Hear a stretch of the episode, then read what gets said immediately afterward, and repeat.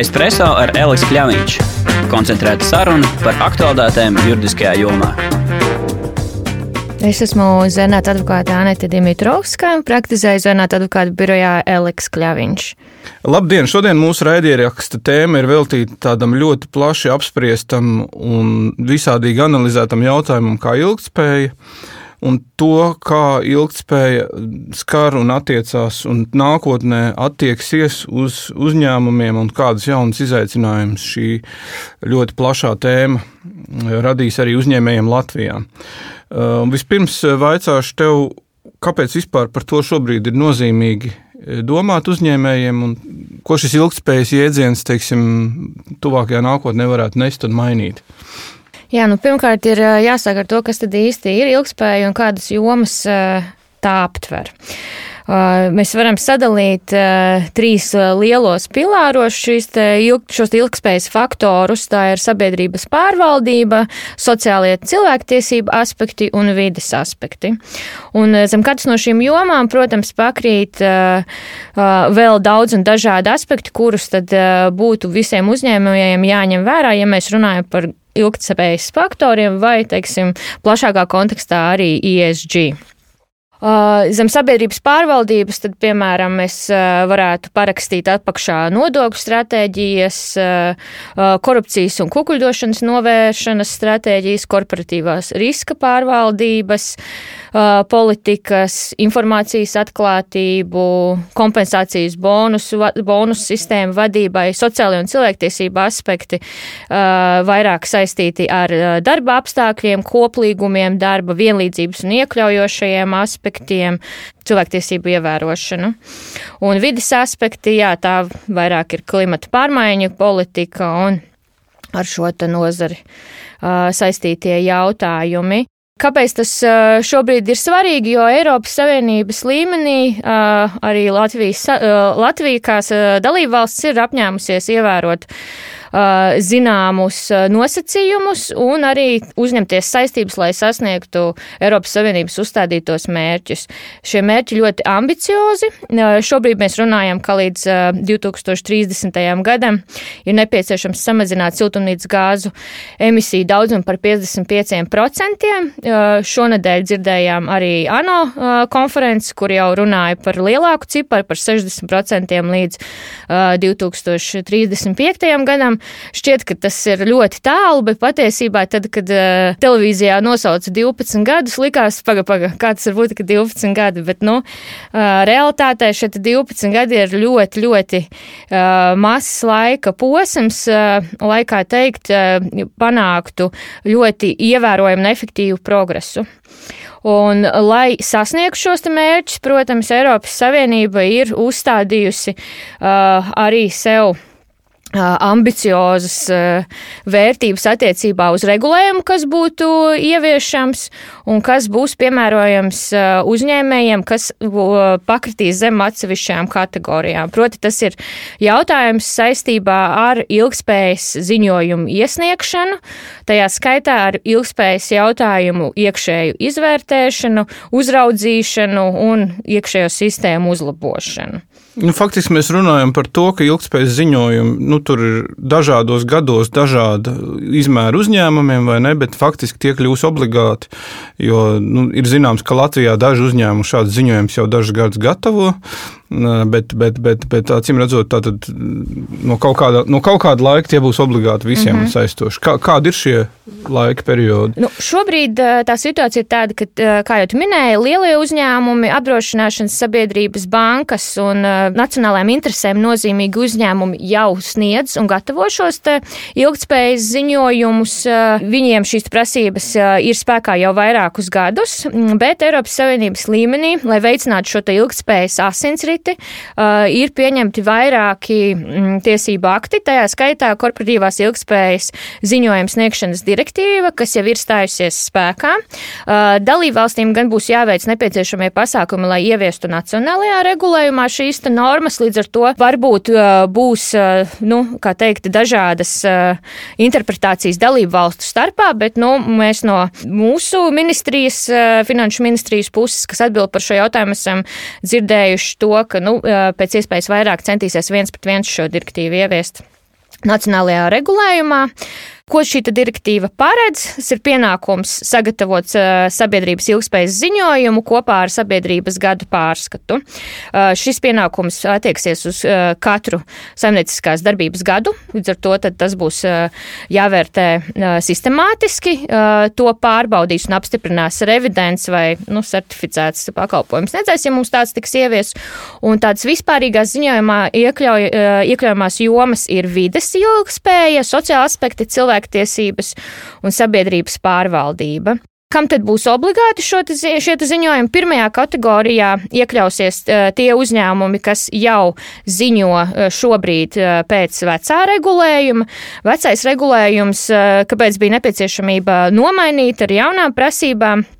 Pirmkārt, bija pienākums eh, ziņot ļoti ierobežotam eh, uzņēmumu skaitam. Eh, par to sūdzējās plaši investori, tā skaitā par to, kas ir tie nosacījumi, pēc kuriem ir jāziņo, kas ir informācija, kas ir jāatklāj. Nebija pienākums auditēt šos pārskatus. Katrs viņus sagatavoja pēc uh, saviem uh, noteikumiem, daži pat nu, teiksim, paši izdomāja, kādā veidā to noformēt. Līdz ar to tad, uh, šī informācija bija ļoti grūti gan atrodama, gan salīdzināma savā starpā. Uh, un attiecīgi, attiecīgi ņemot vērā to, kāda kritika tika vērsta attiecībā uz pastāvošo regulējumu, izkristalizējās, ka, nu, paralēli tam, lai sasniegtu šos klimatu mērķus, ir nepieciešams arī šo tirgus situāciju regulēt uh, pastiprinātāku un ieviest detalizētāku regulējumu un prasības uh, attiecībā uz šo ilgspējas ziņojumiem. Tātad pirmajā kategorijā ir uzņēmumi, kas jau ziņo. Tie ir visi lielie uzņēmumi ar vismaz 500 darbiniekiem. Uz, vi, uz šo kategoriju uh, jaunais regulējums attieksies sākot no 2024. gada 1. janvāra. Tas nozīmē, ka ziņojumi par 2024. gadu būs jāpublicē 2025. gadā. Uh, otrā kategorija ir uzņēmumi ar vismaz uh, 250 darbiniekiem vai kuriem ir ieņēmumi vismaz uh, 40 miljonu apmērā vai 20 miljonu aktīvos. Tiem ir pienākums iesniegt ilgspējas ziņojumus sākot ar 2025. gadu, publicējami 2026. gadā šie ziņojumi. Trešā kategorija uh, ir biržā kotēti mazie un vidēji lieluma uzņēmumi. Uh, tie sāks uh, ziņot sākot ar 2026. gadu, uh, publicējam šie ziņojumi 2027. gadā un visbeidzot pēdējā kategorija ar uh, 2028. gada janvāri visiem trešo valstu uzņēmumiem, kuriem neto apgrozījums Eiropas Savienībā būtībā pārsniedz 150 miljonus. Uh, ja ir vismaz viens meitas uzņēmums vai filiāli Eiropas Savienībā, kas pārsniedz noteikto šo slieksni, un attiecīgi ziņojumi ir publicējami 2029. gadā. Bet kam mēs varētu vērst jau uzreiz uzmanību, ir neskatoties uz to, ka ziņojumu publicēšanas pienākums ir uh, pēc pāris gadiem noteikti ieteicams ir gatavoties laikus un izmantot šo te handikapu, kas šobrīd ir dots, lai kādu gadu iepriekš patestētu to, kādi tad ir šie te iekšējās pārvaldības sistēmas rezultāti.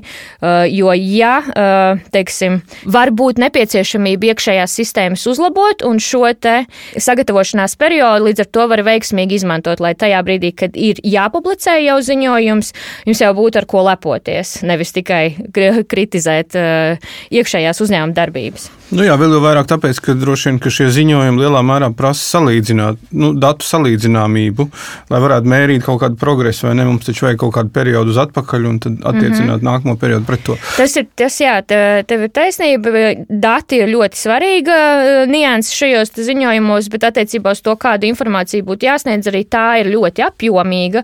Līdz ar to, lai izveidot šo iekšējo sistēmu un lai tā veiksmīgi strādātu, arī būs nepieciešams laiks. Un attiecībā uz to informāciju, kas būtu iekļaujama. Tas ir biznesa modelis, stratēģija un mērķi, kas jau ir diezgan apjomīga kategorija, korporatīvā pārvaldība modelis un tas, kā iekšēja korporatīvā pārvaldība tiek menedžēta uzņēmuma ietvaros, tad iekšējās politikas ilgspējas jomā, stimulējošas atbalsta schēmas attiecībā uz ilgspējas mehānismiem, ko uzņēmums ir izvēlējies ieviest. Tad ir iekšējās izpētes un uzraudzības sistēmas, kas ir ļoti būtisks pamata akmens tam, lai vispār strādātu un būtu kaut kāds efekts šiem ilgspējas ziņojumiem. Tāpat arī ietekmes un risku izvērtējumi ir ļoti būtiski un darbības, kas tiek veikts, lai novērstu un mazinātu nelabvēlīgās sekas. Kur tas ir noteikts šie satura kritēriji, kam tur ir jābūt? satura kritērija, principā, šobrīd ir tā, ka Eiropas Savienības līmenī Eiropas komisijai ir jāpieņem Eiropas Savienības ilgspējas ziņošanas standarti. Šobrīd situācija gan pasaulē, gan Eiropā ir tāda, ka eksistē vairāki paralēli šie ziņošanas standarti, un uzņēmumi var izvēlēties teorētiski pēc kādiem standartiem tad vadīties. Ir tādi starptautiski atzītāki standarti, ir augstāka reputācija, bet katrā ziņā šī bija līdz šim ļoti liela problemātika, ka katrs ziņo atbilstoši saviem standartiem. Protams, populārākos standartus savstarpēji salīdzināt var, bet nu nav tāda tā vienota pieeja un sistēma. Ar šiem Eiropas Savienības ilgspējas ziņošanas standartiem, tad Eiropas Savienības līmenī vismaz to cenšas harmonizēt, novērst un sakārtot. Bet tie standarti jau ir, tie vēl būs tikai? Viņi jau ir, bet viņi, nu, respektīvi, viņiem ir šobrīd gala versijas pieejamas. Pieejamas ir EFRAG jeb Eiropas Finanšu pārskatu padomdevēja grupas mājaslapā. Tajā skaitā ir pamata pakete pilnā, pamata pakete ir pieejama pilnā versijā, ar to var iepazīties. Un EFRAG, jeb šī Eiropas Savienības institūcija, arī ļoti aktīvi strādā pie sabiedrības izglītošanas, un mājaslapā ir pieejami dažādi video, kas palīdz uzņēmējiem saprast, kā tad praksē piemērot piemērot šos standartus. Standarti pēc būtības ir vadlīnijas un eh, priekšnosacījumi, kas būtu jāiekļauj, kādā veidā jāvērtē. Tie ir ļoti pateicīgā veidā izstrādāti, lai pēc iespējas vairāk atvieglotu uzņēmējiem dzīvi un šo ilgspējas ziņojumu ieviešanu praksē. Un ko būtiski uzsvērt, ir tas, ka šie Eiropas Savienības ilgspējas ziņošanas standarti, uh, ilgspējas ziņošanas standartu izstrādātāji Eiropas Savienībā ir centušies ieviest labākās starptautiskās prakses. Līdz ar to tie uzņēmumi, mm, kas jau ziņoja atbilstoši ziņošanas standartiem, kas bija starptautiski atzīti, būs ieguvēji, jo tā pielāgošanās būs uh, salīdzinoši vienkāršota. Tiem, kas neziņoja, nu, tad tie varēs uh, sākt uh, no nulles, bet katrā ziņā, uh, ja mēs skatāmies tādā globālā līmenī, tad noteikti šie standarti izvirzās priekšplānā kā tāds uh, jauns, uh, unikāls, pašas labākās prakses atspoguļojums uh, pat pasaules līmenī. Un ņemot vērā to, ka jāziņo un jāvērtē arī uzņēmumu iekšienē ir dažādas ar piegādes ķēdēm saistītas nianses, tad faktiski tas tā atsauksmē un, un, un uh, Eiropas Savienības ietvaros uh, uzstādītie klimata mērķi un tas gars atspoguļosies daudz plašāk nekā tikai Eiropas Savienības robežās, kas, protams, arī ir uh, tāds eh, vis, visu ar klimatu saistīto jautājumu virsmērķis, lai tā ietekme būtu ne tikai lokāla, jo, protams, Eiropas Savienība vēlas būt eh, pirmais eh, klimata neitrālais kontinents, bet, nu, respektīvi, lai tas iespējas nepaliek tikai Eiropas Savienības līmenī, lai mēs radām labu paraugu, pēc kura tad tālāk vadās gan citas, citas lielas valstis, gan kontinenti. Okay, e, pārējot mazliet e, uz Latvijas līmeni, tātad par Eiropas līmeni tu izstāstīji, standarti ir un direktīvi ir un e, viss notiek, bet tu arī minēji, ka Latvijā jāievieš, tātad jāpiemēro mūsu apstākļiem. Nav viens pret vienu droši vien jāievieš, bet vai tev ir zināms, kas notiek Latvijā, vai tas jau šis process notiek, un uzreiz arī jautāšu, kurš tad būs tas, kas apkopos Latvijā šos ziņojumus un kas ar viņiem vispār notiks pēc tam? Mm -hmm.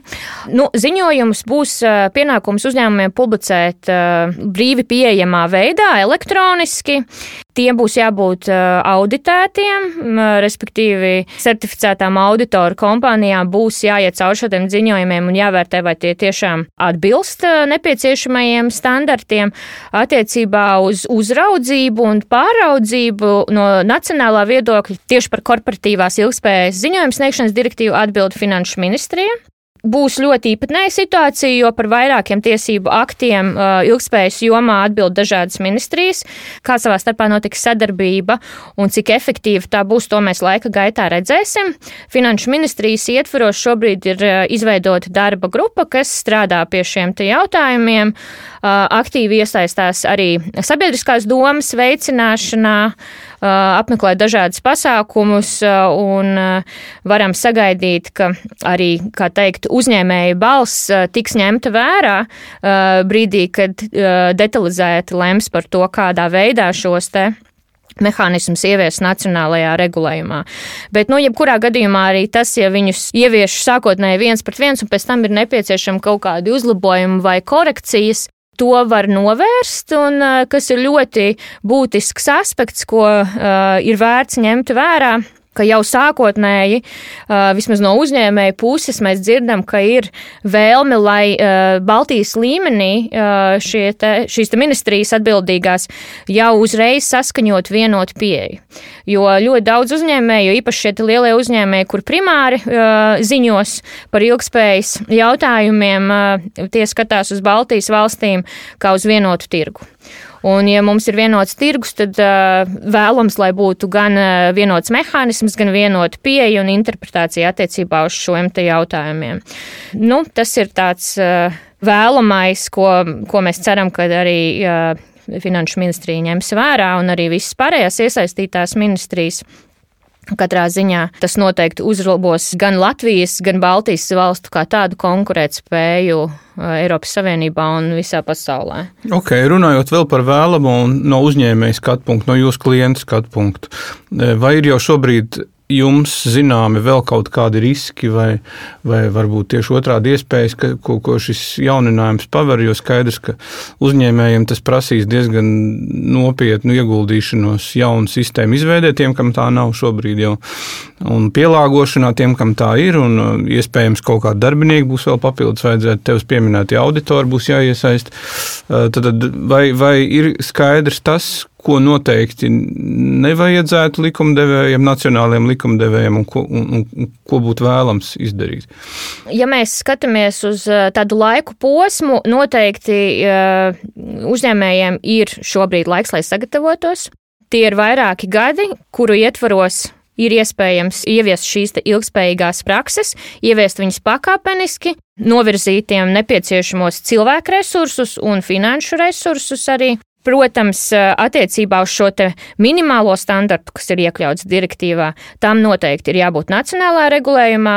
Latvija var izvēlēties ieviest stingrākas prasības, proti, var izvēlēties teorētiski arī plašākam uzņēmēju lokam šīs te prasības piemērot, bet, nu, cik esam dzirdējuši komunikāciju no ministrijas puses, šādu plānu šobrīd nav, neskatoties gan uz to, ņemot vērā, ka jau šobrīd bankām un apdrošināšanas sabiedrībām ir augsti standarti attiecībā uz uzņēmumiem, kas ievieš vai mēģina ievieš šīs ilgspējīgās prakses, arī netiešā veidā mēs paredzam, ka uzņēmums saskarsies ar to, ka vienkārši būs šī prasība, prasība, uh, lai kaut kādi vismaz ilgspējas jautājumi tiek uh, vērtēti, menedžēti un apskatīti uzņēmumu ietvaros un uh, riski, vismaz būtiskākie riski, saprasti, apzināti un novērsti. Tādējādi nav tā, ka tas aprobežosies tikai ar obligāto pienākumu, kas būs saistošs attiecīgiem uzņēmumiem. Netieši tiks ietekmēti pilnīgi uh, visi uzņēmumi, jo tas tiešā veidā ietekmēs to konkurētspēju, pieeju attiecīgi finanšu produktiem, apdrošināšanas produktiem un tam līdzīgi. Tas ir noteikti, ko mēs iesakam ņemt vērā.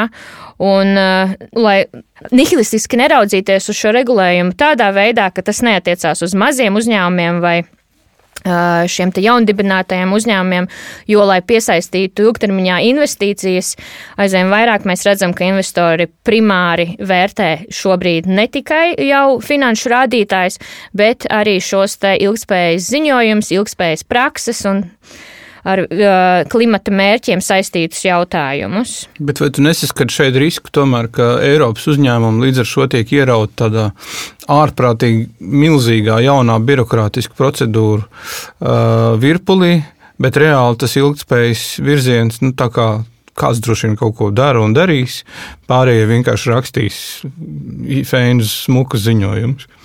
Protams, mēs varam runāt par to, vai varam uzlikt pienākumu, bet no otras puses ir jāsako arī zināmam atbildības slieksnim, lai varētu teikt, ka efektīvi šie te mērķi tiek sasniegti, jo nu, tas ir pilnīgi skaidrs, ka Eiropas Savienība no šiem jautājumiem neatkāpsies. Klimats šobrīd ir, nu, ja ne top viens prioritāte, tad noteikti trīniekā tās eh, saistības, kas ir, eh, kuras ir uzņēmušās dalību valsts, ir juridiski saistošas mums. Līdz ar to, ja mēs šobrīd varbūt vēl nejūtam tādas Eiropas Savienības līmenī plaši izplatītas eh, vēsmas, kā ar klimata jautājumiem saistītas tiesvedības, tad tas var nonākt arī pie mums, un arī no valsts var tikt prasīta atbildība par to, kādā veidā tiek menedžēta mehānismu un sasniegt šie mērķi. Bet attiecībā uz tādiem pie, šo te pienākumu aspektu, protams, Eiropas Savienība padomājas arī par šo, un ir vēl viena direktīva, kas ir procesā. Es pat teiktu vairākas, bet uz ko mēs varam šodien īpaši vērst uzmanību, tā ir korporatīvās ilgtspējas izpētes direktīva, kuras mērķis ir veicināt ilgspējīgas un atbildīgas korporatīvās aktivitātes un iekļaut cilvēktiesību un vidas apsvērumus uzņēmumu darbībā un korporatīvā pārvaldībā. Tad šie jaunie noteikumi nodrošinās, ka uzņēmumi novērš savu darbību negatīvo ietekmi, eh, to starp savās eh, sadarbības ķēdēs Eiropā un ār, ārpus tās. Un uh, primāri, kas uh, šīs te direktīvas ietvaros ir jāņem vērā, ka tā paredz uh, tiešu pienākumu un atbildību gan uzņēmumam, gan valdei, ja netiks ieviestas nepieciešamās prasības uzņēmumu iekšējās pārvaldības sistēmās. Un attiecībā uz tiem uzņēmumiem, kuriem tas būs jāievēro primāri, Šobrīd direktīva vēl ir uh, izstrādes stadijā, bet nu, mēs uzskatām, ka tuvākajos gados tā noteikti būs lemts piedzīvot arī spēkā stāšanos datumu.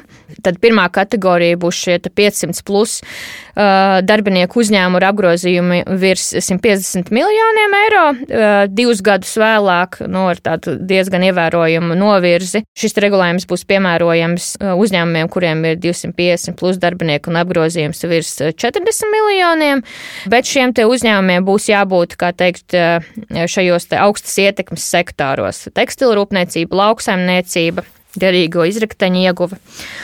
Uh, uz uh, mikro uzņēmumiem un uh, Mazeo, maziem un vidējiem uzņēmumiem prasības nebūs attiecināmas tiešā veidā, bet direktīva paredz jau šobrīd esošajā redakcijā atbalsta mehānismus, lai veicinātu šo izvēli, proti izvēli par šo iekšējo procesu uzlabošanu kas var rezultēties netiešā piemērojamībā.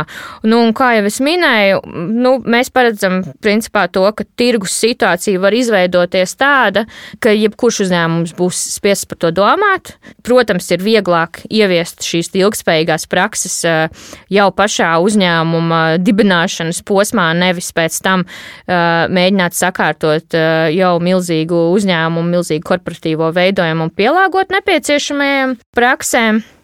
Tas noteikti prasīs ievērojami lielākus resursus nekā pirmais variants. Līdz ar to arī visiem tiem uzņēmumiem, kuri vēlas strauji augt un vēlas konkurēt Eiropas Savienībā un arī ārpus tās, ir jārēķinās to, ka ilgspējas jautājumi būs jautājumi, kas nebūs tikai zaļmuldēšana, tas ir pienākums pret sabiedrību, tas būs pienākums tiešā veidā pret arī savām saistībām un nacionālā līmenī būs atbildība gan administratīvajā līmenī, gan arī valdē jārēķinās ar to, ka var piemērot valdes atbildības mehānismus kas tiks saskaņoti ar katras uh, dalību valsts nacionālajiem tiesību aktiem par uh, to, ja attiecīgi konkrētajā laika posmā netiks ieviesti atbilstoši mehānismi, netiks izdarīti secinājumi pamatojoties uz šīm izpētēm, kā arī, ja netiks veikti nepieciešamie pasākumi, zinot, ka ir problēma un ir nepieciešami uzlabojumi,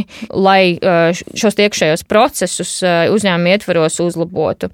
Tāpat Latvijai būs pienākums ieviest kompensēšanas mehānismu šīm cietošajām personām, lai kompensētu kaitējumu, kas būs attiecīgi radies, ja kāds uzņēmums nebūs ieviesis šīs ilgspējīgās prakses un iekšējās izpētes mehānismus.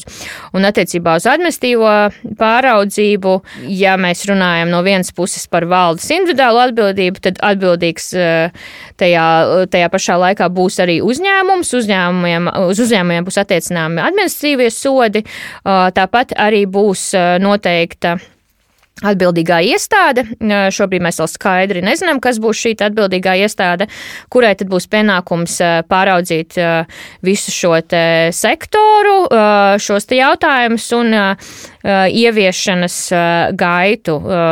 Tāpat arī nodrošināt, lai šie soda, jeb sankciju mehānismi būtu pietiekoši efektīvi, jo nu, ieviest simbolisku maksu, no kuras varēs vienkārši atpirkties uzņēmums, kas ir pietiekoši liels un pietiekoši lieliem resursiem, nu, tas noteikti no, to mērķi direktīvas ietvaros nesasniegs. Ir jābūt šim mehānismam, kas uzņēmumiem tiešām liek aizdomāties par to, vai, vai tas ir tā vērts. Un, protams, reputācijas jautājums šeit arī ir būtisks, un, eh, jo nu, reputāciju var sabojāt ļoti ātri, un pēc tam to atgriezt ir ilgu gadu uh, cītīgs darbs. Protams, jāsako līdzi ar visiem šiem jautājumiem saistībā arī ar zaļumaldināšanas aspektiem. Uh, bet nu, tas ir atsevišķs stāsts. Jā, teikšu lielu paldies Anetei. Ļoti apjomīga tēma. Šķiet, ka to tādā uzņēmuma līmenī varētu salīdzināt no nodokļu sistēmām, nodokļu nomaksu lielā uzņēmumā vai personāla politika vai kaut kādiem citiem lieliem jautājumiem, ar ko tātad tuvākajos gados būs jārēķinās kā ar vēl vienu tādu aktivitāšu līniju eh, uz, eh, uzņēmuma iekšienē, un tāpēc tiešām ir svarīgi, kad ir laiks un ir iespēja tam sagatavoties eh, saulēcīgi, bet ņemot vērā, ka šis jautājums ir tik plašs, mēs nākamajā raidierakstā ar Anetu parunāsim par tādu interesantu jautājumu kā zaļa maldināšana, ko tas īsti nozīmē un uh, kādas sekas par to draud. Paldies! Paldies! Espreso ar Elisu Kļāviņš. Koncentrēta saruna par aktuālitātēm juridiskajā jomā.